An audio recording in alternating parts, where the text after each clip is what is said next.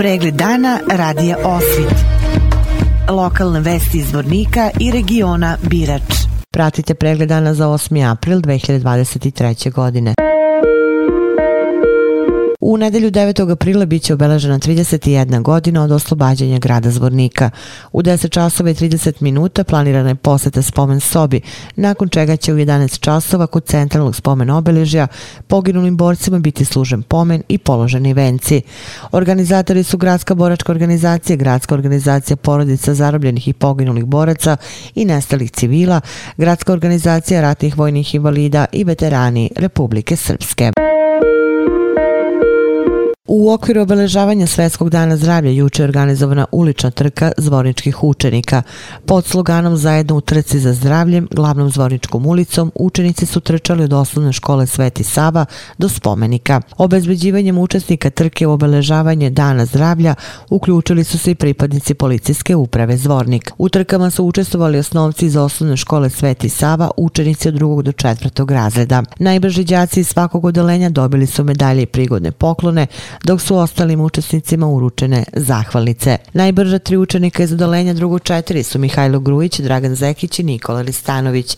Iz odolenja drugo pet Ognjen Sejmenović, Luka Delić, Maks Gutalj. Iz odolenja drugo šest Nikolina Stević, Luka Turuntaš, Marko Alempić. Najbolji učenici iz odolenja treće četiri bili su Ermin Smajlović, Marko Ristić, Nikolaj Trimnić. Iz razreda treće pet najuspešniji su Petar Mić, Andrija Šajn i Nova Kerić. Iz odolenja četvrto tri medalje su dobili Filip Jovanović, Matej Tomić i Mihajlo Grujić. I odelenje četvrto četiri imalo je svoje pobednike Teofan Petrović, Jovan Marić i Uroš Pekić. Iza četvrtog četiri odelenja nagradu su osvojili Ana Krstić, Aleksa Rikić i Luka Đerić. Video zapisi i izveštaj sa ovih uličnih trka možete pogledati na našem YouTube kanalu i Facebooku.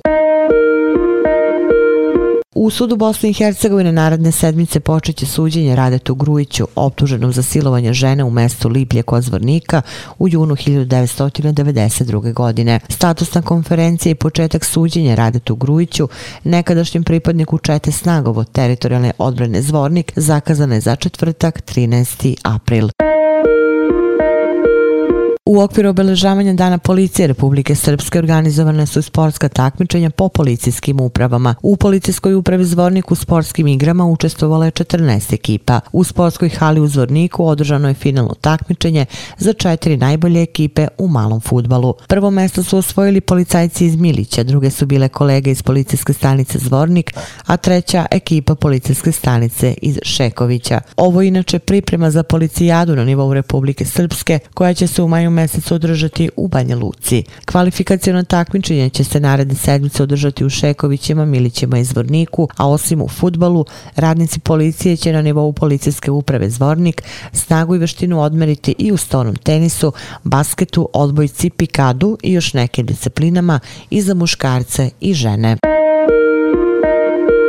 U Bratuncu je danas počela akcija April mesec čistoće u kojoj su se pored komunalnih vatrogasnih službi uključili i učenici iz ove opštine. Planirani početak akcije bio je 1. april, ali je pomeren zbog lošeg vremena i zvanično je počeo danas sa nekoliko akcija. Započeti su pripremni radovi na uređenju zelenih površina na gradskom trgu gde je planirano dodatno ubacivanje humusnog sloja i dovođenje vodovodnih instalacija za navodnjavanje zelenih površina. Akcija April mesec čistoće održat će se tokom meseca aprila gde će biti realizovane aktivnosti na uređenju svih javnih zelenih površina, sportskih objekata, dečijih igrališta, parkova, šetališnih zona, zatim ozelenjavanje površina na centralnom šetalištu.